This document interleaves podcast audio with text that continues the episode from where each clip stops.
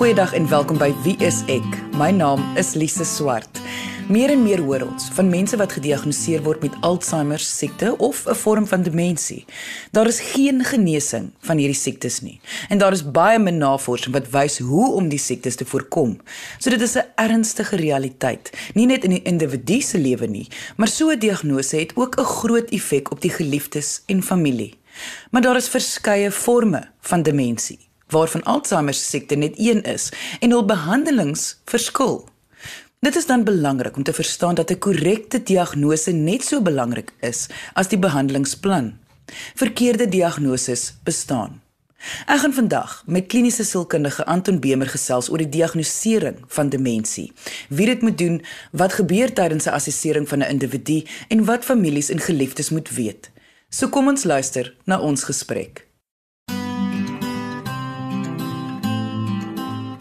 Anton, kom ons wees eerlik. Daar bestaan iets soos 'n verkeerde diagnose of 'n diagnose te vinnig gemaak of die kliënt het op daardie stadium gaan hulle deur iets en iets gaan verkeerd. So ek wil graag weet hoe gereeld gebeur dit dat 'n demensie diagnose nie noodwendig korrek is nie. Baie keer word 'n diagnose gemaak omdat daar 'n probleem is. Maar die uitdaging is om altyd vas te stel wat is die probleem. Nou iets wat ek uh, baie duidelik moet onderskei as mens kom ons sê die makaris of geheueprobleme het, is dat daar altyd 3 D's is waarna ons kyk. Die eerste een is die persoon moontlik delirious. Dit sou mens vind gewoonlik as 'n persoon fisies siek of in 'n hospitaal is en dan is hulle baie gedisoriënteerd. Hulle weet nie waar hulle is nie. Hulle is die mekaar in terme van die mense wat hulle besoek. Hulle mag selfs halusineer. Maar dit is as gevolg van 'n mediese toestand en dit is eerstens belangrik om 'n delirium uit te skakel. Die tweede probleem wat ons baie keer aantref wat ook soos demensie mag oorkom is wanneer iemand baie depressief is. So so 'n persoon het dan nie net alleen 'n probleem met hulle gemoed wat laag is nie, maar daar's ook probleme met aandag en konsentrasie en dan vergeetachtigheid. En dit word baie keer 'n pseudo-dementia genoem. So dis nie dat daar noodwendig 'n strukturele breinprobleem is nie, maar is baie meer 'n emosionele probleem wat dan 'n impak maak op hulle vermoë om helder te dink. So die derde D is dan natuurlik dementia. Of soos ons nuwe handleiding die DSM-5 sê 'n neurocognitive disorder. En dit is basies neuro daar's iets met die brein wat verander is, cognitive eh, verwys na ons denke en die ehm um, denkprosesse wat plaasvind. En dit is waar die diagnose van dementia inkom om te sê hier's iets in die brein in die gang wat anders is as wat dit veronderstel is om te wees en dan moet ons kyk na 'n diagnose van 'n tipe demensie. Maar weer eens is dit baie keer moeilik vir al 'n persoon 'n vorige diagnose gehad het. Kom ons sê van 'n bipolêre gemoedstoring of moontlike angsstoring dat daardie simptome dalk baie ernstiger op 'n sekere punt in 'n persoon se lewe mag wees en dit veral as die persoon nie bekend is aan 'n dokter of 'n professionele persoon dat daardie simptome probleme verkeerd geïnterpreteer kan word nie. En dan mag 'n verkeerde diagnose gemaak word.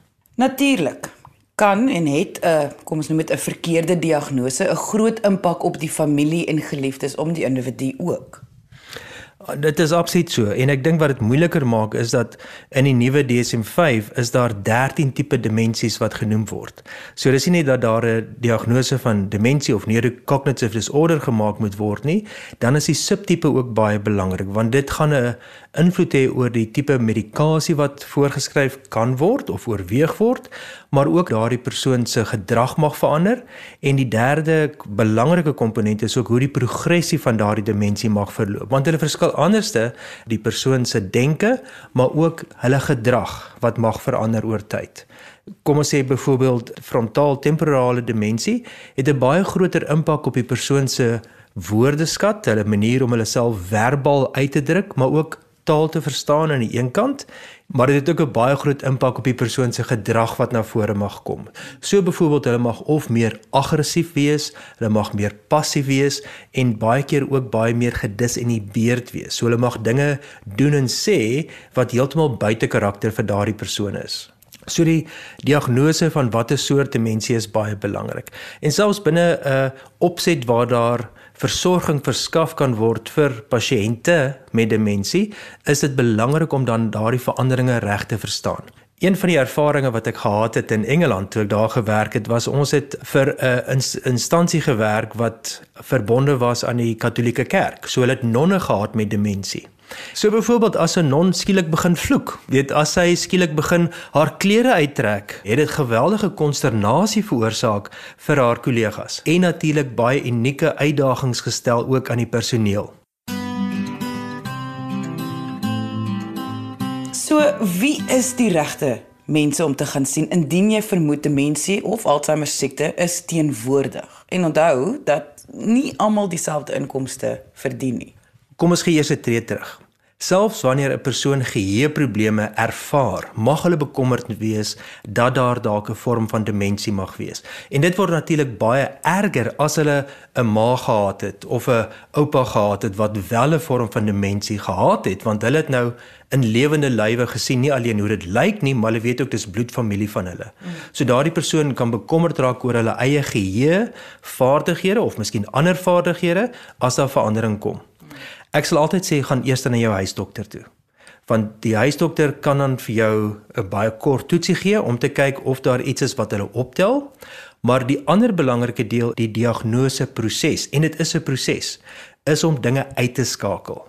So ons moet seker maak, soos ek net nou gesê het met die met die delirium, dat daar nie fisiese oorsake is nie. So dan is daar bloedtoetse wat gedoen moet word om seker te maak hierdie persoon het een nie 'n infeksie soos 'n blaasinfeksie byvoorbeeld nie of dat daar dalk nie 'n sekere tekort is aan Vitamiene B of D of tiroïedprobleme is wat ook 'n beduidende impak mag hê op hierdie persoon se gesondheid en dan 'n impak kan hê op hulle denke nie. So huisdokter eerste.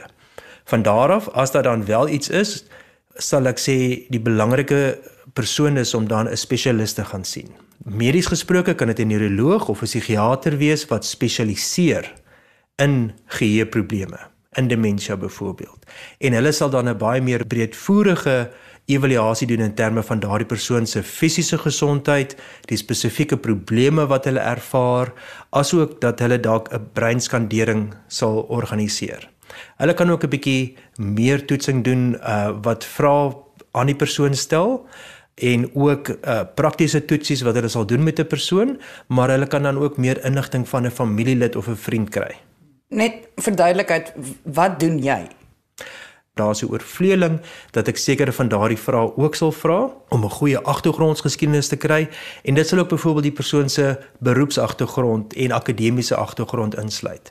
Want sommige van die toetse um, wat meer eenvoudig is, kan 'n persoon amper volpunte kry, maar is omdat hulle 'n geweldige sterk akademiese agtergrond het. Dit beteken nie dat hulle nie demensie het nie, maar daardie toets is net te maklik of te eensydig. Jy luister na Wie is ek op RSG 100 tot 104 FM.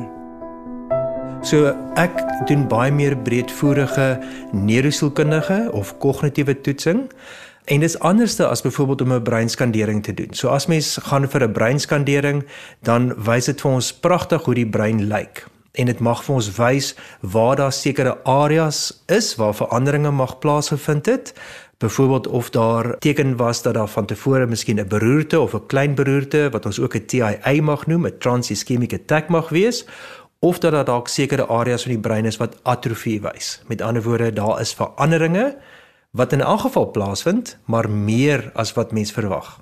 So die prentjie wat ons kry, help, maar dit is 'n stukkie van die puzzle. My gedeelte is om meer te kyk hoe die brein werk. So ek vra vir mense meer vra in terme van nie alleen 'n eh, geheue dat hulle dinge moet onthou vir my nie, maar ook dat ek hulle taalvaardighede toets. Dat ek sekere wat ons noem uitvoerende funksies toets en dit gaan baie meer oor die frontale lobbe se werking. Hoe jy sekere dinge beplan en hoe jy daai plan uitvoer. Hoe vinnig jy dit kan doen en dan ook hoe akkuraat jy dit kan doen. En dit help baie ook om die tipe demensie te diagnoseer. En dis waar ek en psigiatrie kollegas byvoorbeeld baie nou saamwerk, want dit is om te sê daar is waarskynlik 'n demensie, hier is die opsies, maar met daardie meer breedvoerige toetsing kan ons dit baie meer spesifiek identifiseer, maar dit help ook om te sê hierdie persoon het meer 'n depressiebeeld as 'n demensiebeeld. Gereeld praat ons oor die belang van assessering. Dit is vir my 'n verskriklike woord. So kan jy net vir ons verduidelik wat beteken dit om geassesseer te word deur 'n professionele persoon? Ek sien altyd my eerste taak om onsekerheid uit die weg uit te ruim. En as ek 'n uh, vreemde klank in my motor hoor en ek vat hom na 'n uh, mechanic toe en ek sê luister ek hoor hierdie vreeslike klank en hulle ry met die motor en hulle sê ja hierso is iets los of hier's net 'n plaatjie wat hierso vasgemaak moet word dan kan ek meer verlig voel nou weet ek wat die probleem is en nou weet ons wat die oplossing is. Mm. So my evaluasie of assessering gaan daar om om eerstens vas te stel of daar 'n probleem is. Deur die toetse wat ek gebruik, deur onderhoude te voer met die persoon en ander mense naby hulle, kan ons dan sê, "Oké, okay, dit lyk asof jy waarskynlik baie depressief is en ons moet dit aanspreek." Of daar is beduidende gesondheidsprobleme wat eers na gekyk moet word. So 'n proses van uitskakeling. Daarna kyk ek meer na die spesifieke funksies in die brein wat op verskillende maniere na vore kom in wat ons sê, wat ons doen in ons gedrag, ook in ons verhoudinge met mense. En of ek 'n idee kan kry deur die toetse wat ons doen wat dit mag impliseer. So om dit baie kortliks te stel, assessering probeer vasstel of daar 'n probleem is en in, indien ek sien daar is 'n probleem, wat is dit? Dit het ook dan die verre komponent, wat maak ons daarmee?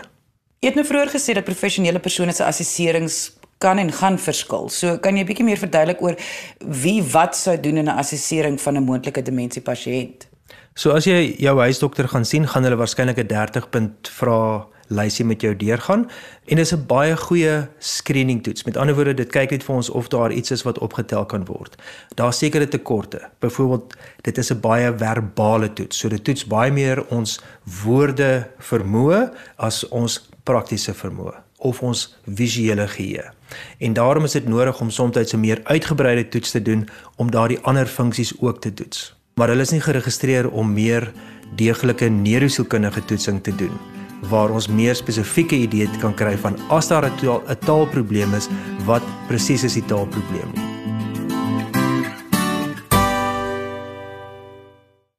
My gas is Anton Bemer, 'n kliniese sielkundige en neurosielkundige wat gereeld die assessering van demensie behartig. Indien jy nou eens ingeskakel het, kan jy die pot gooi van vandag se episode gaan luister op RSG se webwerf by rsg.co.za. Maar kom ons luister verder na my en Anton se gesprek. Anton, jy het jou assesseringstoets vandag saamgebring en jy gaan 'n paar toetse met my doen net sodat ons kan vir die luisteraars verduidelik of 'n beter idee gee van hoe die proses werk. So wat gaan jy dan nou van my toets? As ek nou sommer bekommerd.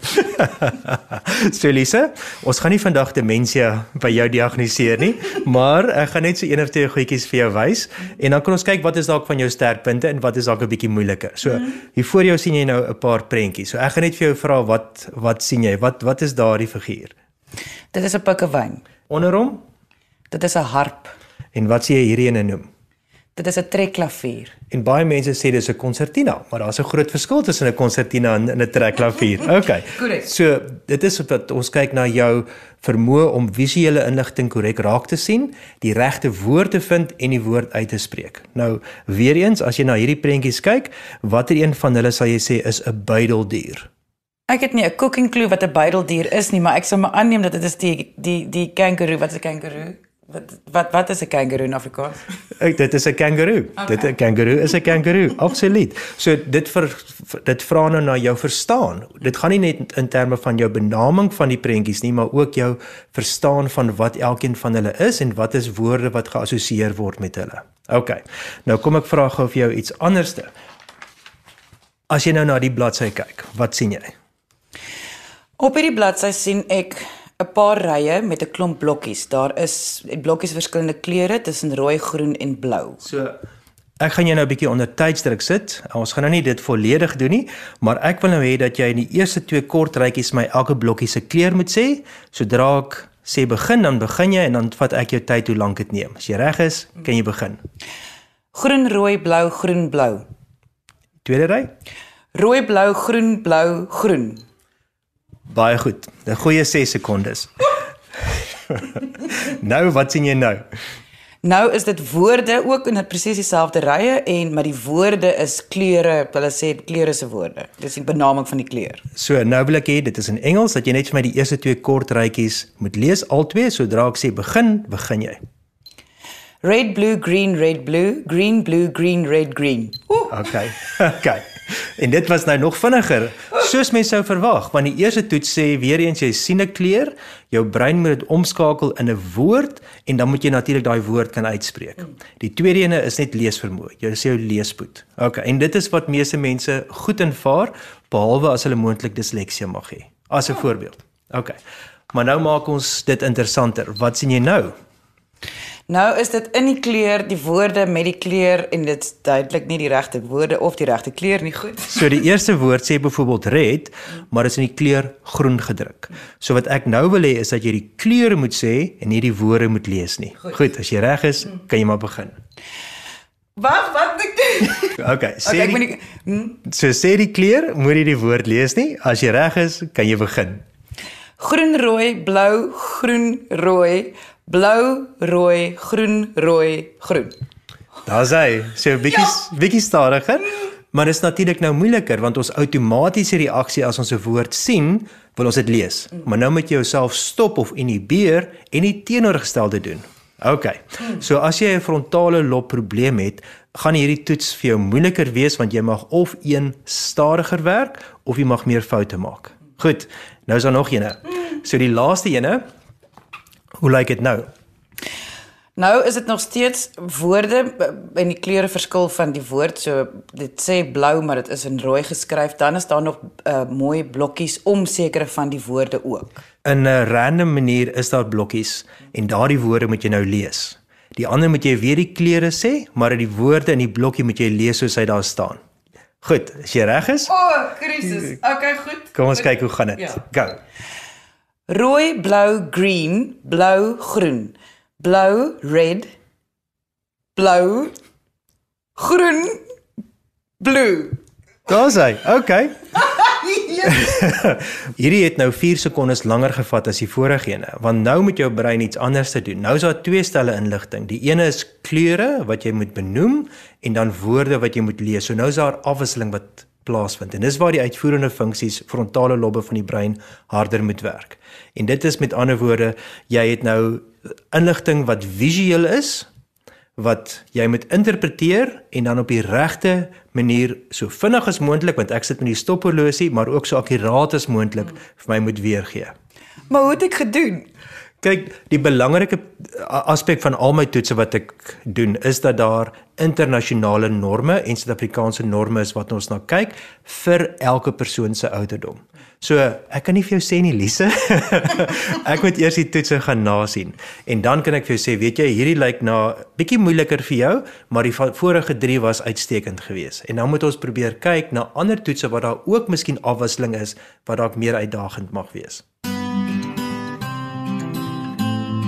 Ek wil net uh, seker maak jy jy lig nou net sekere dele van die toetse met ander woorde uit. Dit is nie die volledige toets wat ons nou hier doen nie. Dis maar net om om, om van jou punte te staaf.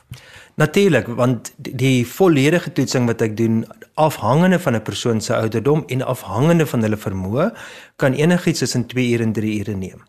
So as ek studente sien, toets ek hulle baie langer want mense verwag nie dat hulle probleme sal hê van kognitiewe inkorting nie en die uitsonderinge wat daar mag wees kan baie meer subtiel wees.